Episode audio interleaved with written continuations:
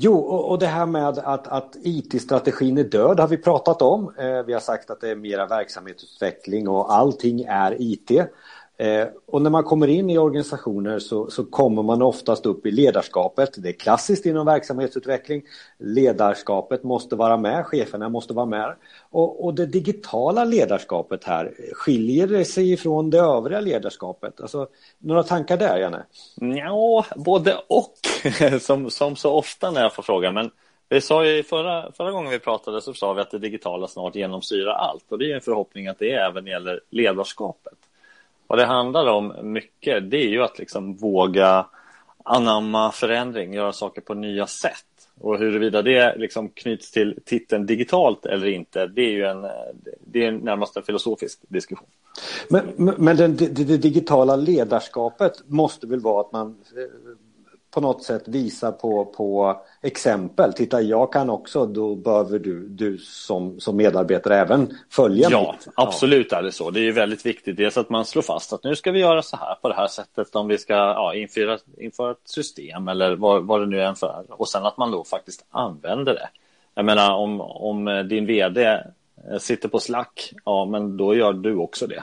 Mm. Men om den inte gör det, då är det lätt att ignorera det och tänka att ja, ja, men det där, jag gör som jag gjorde igår. Det är enklast. Ja, och Slack är ett kommunikationsverktyg eh, som, som, som vi pratar om Ska här. Tillägga. Ja, precis. Eh, men men, men eh, vad du också säger här mellan raderna är att okej, okay, ledarskapet ska inte anse att digi digitalt och IT är någonting som går vid sidan om, utan det är ju någonting som även berör ledarskapet, därav digitalt ledarskap. Då. Ja, precis. Det är ju det där. Vi är förbi det där som att det kan gå vid sidan av eller någonting som händer någon annanstans. Utan det är någonting som ändå måste genomsyra allt man gör. Och en viktig del av det som man gör i en organisation är ju, kretsar kring ledarskap. Att få folk att göra, så att säga, eh, peka ut en riktning och få folk att, att gå dit eller göra det som krävs för att komma dit. Och, och, mitt inspel här, och du får väl bekräfta också, det är väl att oftast när, när, man ska göra någonting som har med något digitaliseringsprojekt att göra eller eh, utveckla någonting som, som har med, med, med något ja, verktyg kanske att göra eller en lösning så är det jättesvårt att få tag i beslutsfattare. Eh, för det är ju ändå de som ska bestämma inriktningen, kanske inte detaljerna men inriktningen.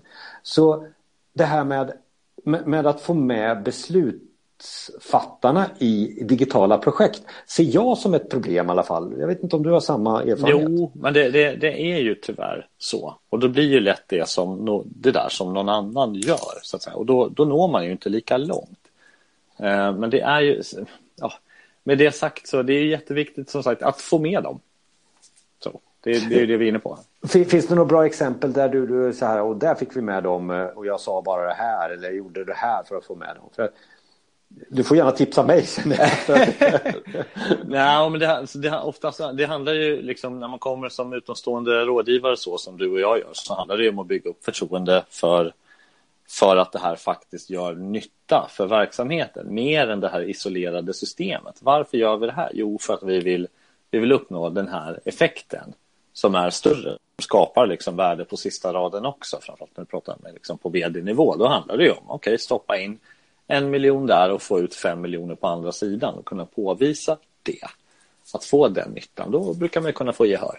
Är det också så att det är enklare att prata istället för IT att prata om digitalisering nu som är det, ska vi säga mode? Oh, ja, ja, ja. Liksom. Mm. ja, det är det ju. Sen mode kan man väl diskutera hur länge, huruvida det är, men, men äh, absolut är det så. Det är nästan oförtjänt äh, turiststämpel som just IT har fått, för IT är ju liksom en möjliggörare för det mesta som vi pratar om. Men sen ganska lång tid så har det liksom att ja, det är ju betydligt häftigare att jobba liksom, med digitala saker än med IT. Det har det varit. Det, det är sen gammalt. Och, och, och precis, och, och, digitaliseringen har då stämpeln lite mera nu ska vi göra någonting nytt, någonting bättre. Och då kanske man får med ledarskapet in i det digitala ledarskapet vilket innebär också beslut i, i, i sådana här utvecklingsprojekt. Kanske. Ja, precis. Men ofta så handlar det om att det, det, är lite mer sådär flärdfulla prylar som man gör inom digitalt. Det kan ju vara någon ny snygg hemsida, kanske inte det här tråkiga liksom, ärendehanteringssystemet som är typisk IT-grej. Det mm. syns mer. Men den aspekten som jag ju tjatar om nu, det handlar ju om att oavsett vilken grej du har så är det ju den stora förändringen uppstår om du får folk att jobba på annorlunda sätt. Och det gäller ju alldeles oavsett om man kallar det här för ett IT-system eller något digitalt verktyg.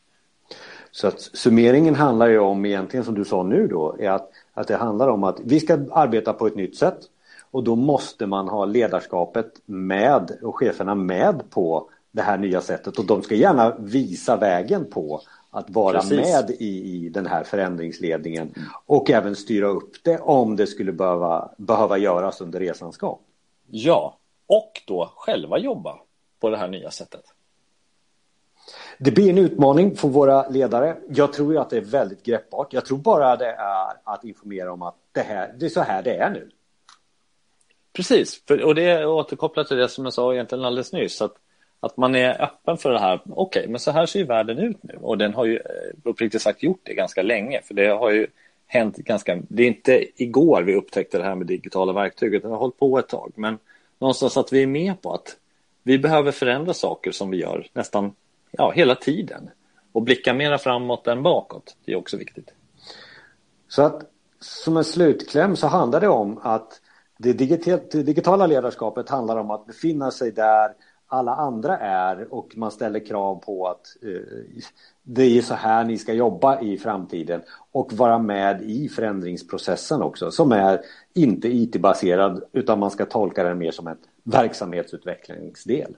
Ja, precis. Vi kommer att återkomma till det här Janne. Vi har väldigt mycket att diskutera just gällande det här att få över IT till verksamhetsutveckling. Även om vi kallar det digitalisering nu så är det verksamhetsutveckling som är vårt hjärta.